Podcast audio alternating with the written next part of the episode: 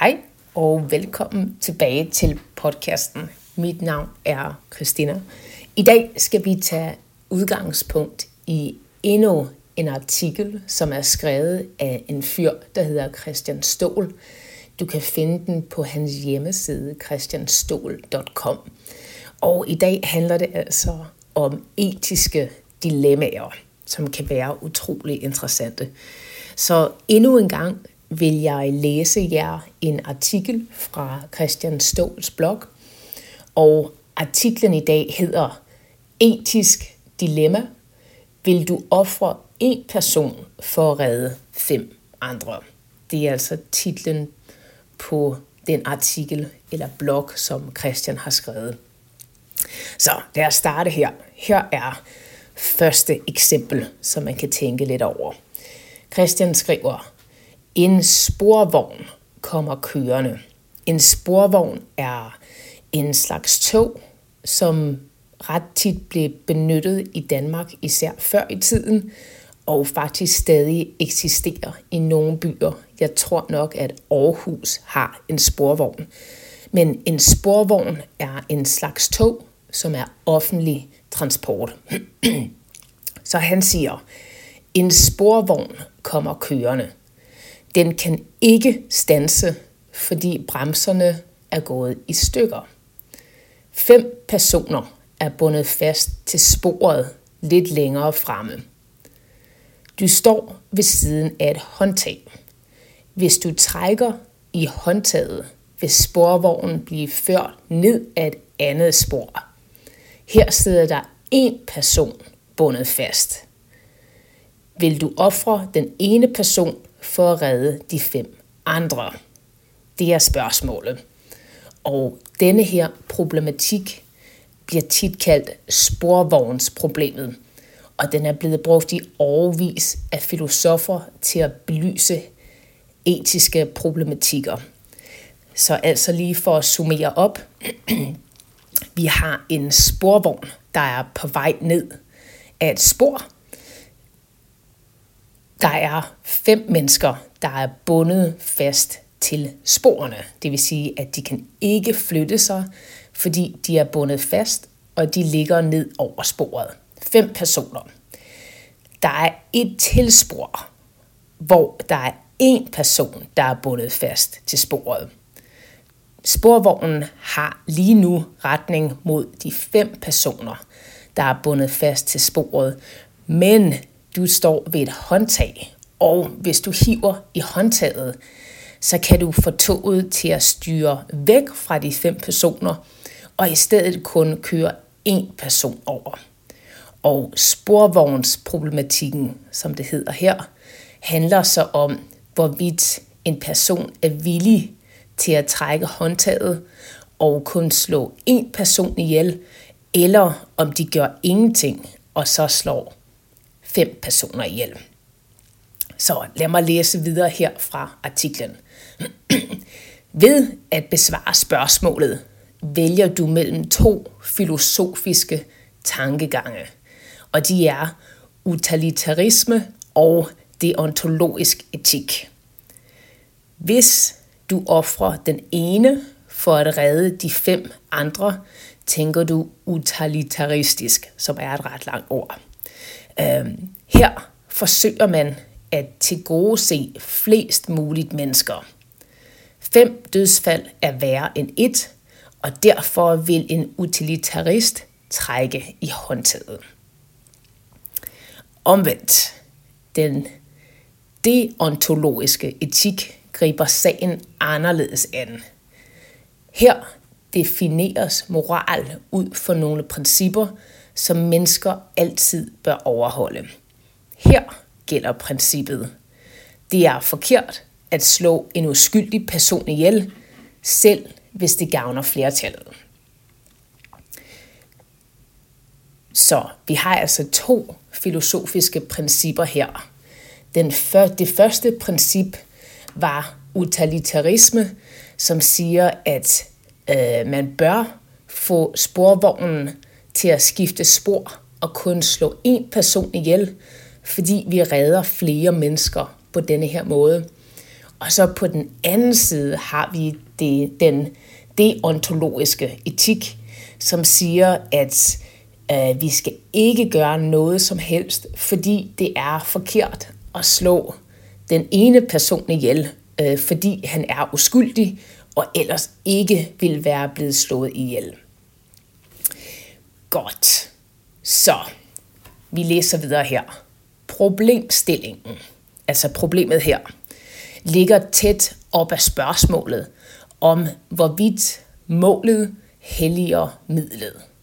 Og det betyder om, hvorvidt øh, et mål gør næsten alt tilladt bare for at opnå det mål. Ifølge utilitarisme helliger målet midlet, mens deontologisk etik siger, at det gør det ikke. Okay, så den sektion var lidt langhåret. Øh, det betyder, at den var lidt indviklet, lidt svær at forstå. Men jeg tror, det kommer til at give mere mening, når vi læser videre.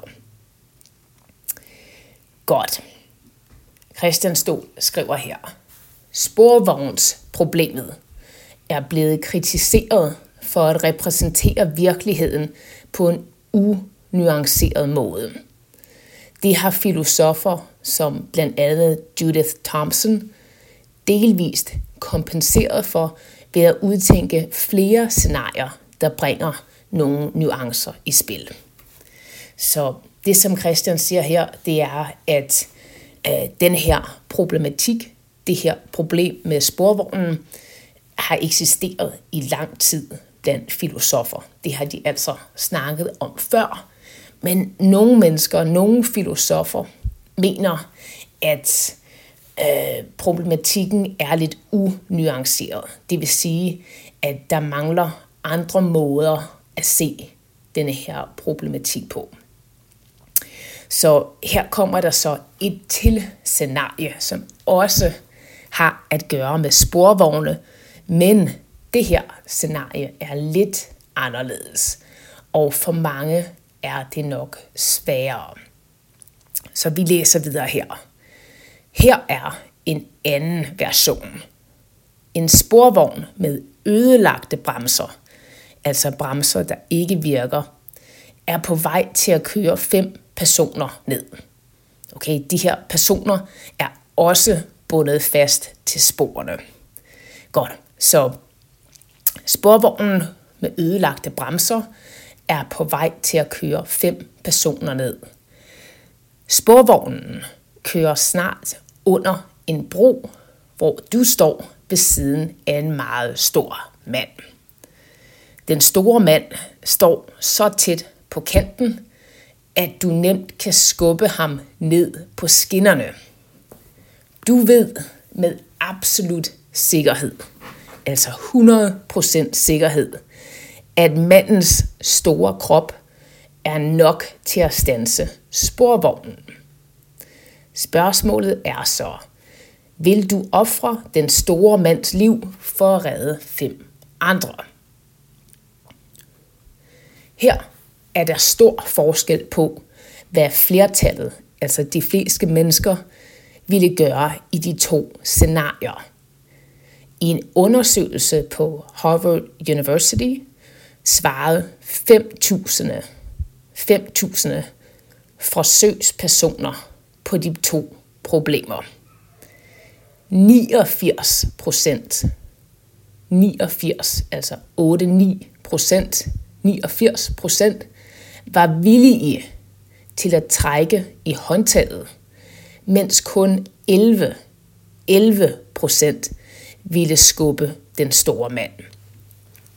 Godt, så for at opsummere her, altså et kort referat, så har man lavet undersøgelser på Harvard University, hvor man spurgte en masse personer, hvad de ville gøre i de to situationer. Hele 89 procent, altså 89 procent, sagde i det første scenarie, hvor man kunne trække i et håndtag for at redde fem personer, men få en person, person kørt over, der sagde 89 procent, at de ville trække i håndtaget. Men når det kom til det andet scenarie, hvor du kunne skubbe en meget stor mand ned på skinnerne, han stod på en bro, for at redde de fem personer, jamen så ville kun 11 procent skubbe den store mand. Godt. Så lad os snakke om forskellene på problemerne. For man kan sige, at hvis man kigger på det lidt udefra, jamen så offrer vi en person for at redde fem andre. Men problemstillingerne er alligevel meget forskellige. Så her læser vi videre om forskelle på problemerne. Christian skriver, begge scenarier handler om, hvorvidt man vil ofre én person for at redde fem andre. Men der er nogle væsentlige forskelle på situationerne. De fleste filosofer lægger vægt på intention. intention. Hvis man trækker i håndtaget, er den uskyldige mands død en bivirkning. Hvis manden på mirakuløs vis nåede væk fra skinnerne, ville man være glad for det. Hvis man derimod skubber den store mand ned på skinnerne, har man en klar intention om, at han rammes af toget for at redde de fem andre. Så det Christian siger her, det er, at i det første scenarie, hvor du kan trække i håndtaget, så har du måske et, en lille forestilling eller et håb om, at den uskyldige mand kan komme væk fra skinnerne og ikke blive kørt over, altså ikke dø, mens du i scenariet, hvor du skubber den store mand ned på skinnerne, så er du 100% altså helt klar over, at han kommer til at blive ramt af toget og kommer til at dø. Det er en af problematikkerne. Christian skriver, hvis man skubber den store mand, er der desuden fysisk kontakt. Det er der ikke, hvis man trækker i håndtaget, og derfor har man mindre medfølelse med ham, der ligger på skinnerne. De to scenarier er så forskellige, at den menneskelige hjerne reagerer forskelligt på dem. Det har Joshua Green fra Harvard University vist med en fMRI-scanning, som altså er en slags scanning. Man kan se, hvilke områder i hjernen, der bliver aktiveret, når forsøgspersoner svarer på de to spørgsmål. Scenariet med håndtaget aktiverer frontallappen, som er den, en del af den forreste del af hjernen, som man bruger til logisk og kritisk tænkning. Scenariet med den store mand på broen aktiverer den del af hjernen, der hedder amygdala, hvis jeg siger det rigtigt, som er forbundet med følelser. Det vil sige, at i det første scenarie beslutter vi med hjernen, mens vi i det andet scenarie med den store mand på broen vælger med hjertet. Den næste overskrift, som Christian har, hedder Sporvognsproblemet i virkeligheden. Og han skriver, man kan fristes til at tro, at sporvognsproblemet er forbeholdt filosofer. Men der findes lignende dilemmaer i virkeligheden.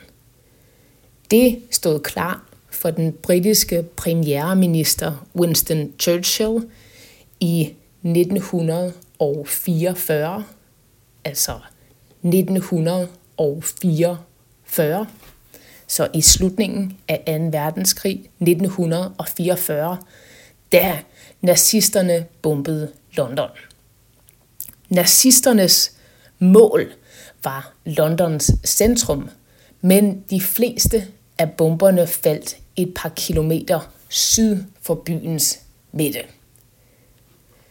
Britterne fik en idé om at narre nazisterne til at tro, at bomberne faldt for langt mod nord. Det kunne få nazisterne til at sigte endnu mere for kort og således ramme et mindre tæt bebygget område. Altså de kunne ramme et område, hvor der var færre personer. Men det betød, at nogle, en gang til, men det betød, at man ville ofre nogle uskyldige mennesker i den sydlige del af London. Nogle i regeringen mente, at det var uacceptabelt, men Churchill endte med at godkende operationen. Churchills dilemma var en særlig situation, men den teknologiske udvikling har gjort dilemmaet mere relevant end nogensinde før. Den offentlige debat fokuserer især på selvkørende biler, altså biler, der kører sig selv. Problematikken, altså problemet her, vil brede sig til flere domæner i takt med, at kunstig intelligens lærer at varetage flere opgaver. Men i den nære fremtid er selvkørende biler den vigtigste udfordring. Mennesker er ikke nødt til at vide på forhånd, hvad de vil gøre i en hver, hvad de vil gøre i enhver tænkelig situation, men maskiner gør, hvad de er blevet programmeret til. Det vil sige, hvis en selvkørende bil skal, om man så kan sige, vælge mellem at ofre sin egen passager eller 10 fodgængere, hvad skal bilen så gøre? De fleste mener, at bilen bør prioritere fodgængerne højest. Alligevel foretrækker de fleste at køre i den bil, der redder dem selv. Bilerne er vejen, er på vej. Bilerne er på vej, og de har fart på. Med mindre vi beslutter i fællesskab, hvordan bilerne skal agere i etiske dilemmaer, kommer bilproducenterne til at bestemme. Jeg synes, den mest rimelige udvej er fælles spilleregler. Staten skal ikke styre alt, men i denne situation er lovgivning passende. Alle bilproducenter skal overholde samme etik. Når man køber bil, bør det ikke være op til den enkelte, hvorvidt man helst ville redde sit eget liv eller andres. Det var så Christians mening her, men utrolig interessant problematik, som jeg faktisk ikke havde tænkt over før. Christian fortsætter her. Hvordan vælger vi? Bør vi ofre en person for at redde fem andre? Og skal vores biler gøre det? Umiddelbart ser de to spørgsmål ens ud, men det er de ikke nødvendigvis. Jeg synes, det er tvivlsomt, hvorvidt vi vil leve i en verden, hvor vi skubber den store mand ud over broen. Utilitarister mener, at denne holdning udtrykker en manglende evne til at handle rationelt. Men måske er det ikke meningen, at mennesker altid skal være rationelle. Vi er mennesker, ikke robotter, og der går noget menneskelighed tabt, hvis vi altid handler rationelt. En ny undersøgelse fra Oxford University med over 2.400, altså 2.400 forsøgspersoner, giver indsigt ind, giver indsigt i de menneskelige implikationer af vores valg i sporvognsproblemet. Det var en meget forvirret eller en meget kompliceret sætning. Øh, det, som Christian siger her, det var, at Oxford University lavede en undersøgelse med 2.400 mennesker, og den måde, de svarede på, øh, giver os en måde at se på sporvognsproblemet. Øh, undersøgelsen, som Oxford University lavede, viser, at de fleste har mest tillid til personer, der nægter at skubbe den store mand ned. Så de fleste personer øh, vil mere stole på, vil stole mere på en person, der nægter at skubbe den store mand ud over broen. Så hvad skal en selvkørende bil så gøre? Hvis vi nægter at ofre den store mand på broen, betyder det så, at en selvkørende bil heller ikke bør gøre det. Ikke nødvendigvis. Måske vil vi have maskiner til at handle anderledes end os selv. Man skåner, altså redder ikke den store mands liv, fordi det er mere værd end andres, men fordi vi mister noget af vores menneskelighed, hvis vi offrer hinanden, når det er fordelagtigt. Det, en gang til, der er forskel på menneskers og maskiners rolle i sporvognsproblemet. Mennesker træffer vidt forskellige beslutninger, afhængigt af hvilken version der er tale om. Mennesker bliver traumatiseret, hvis vi slår nogle ihjel, selv hvis det sker for at redde andre. Det gør sig ikke gældende for maskiner, og derfor skal de ikke nødvendigvis programmeres til at handle på samme måde som os. Jeg synes, det er vigtigt, at vi diskuterer sporvognsproblemets implikationer og skaber fælles regler for alle selvkørende biler. Hvad mener du?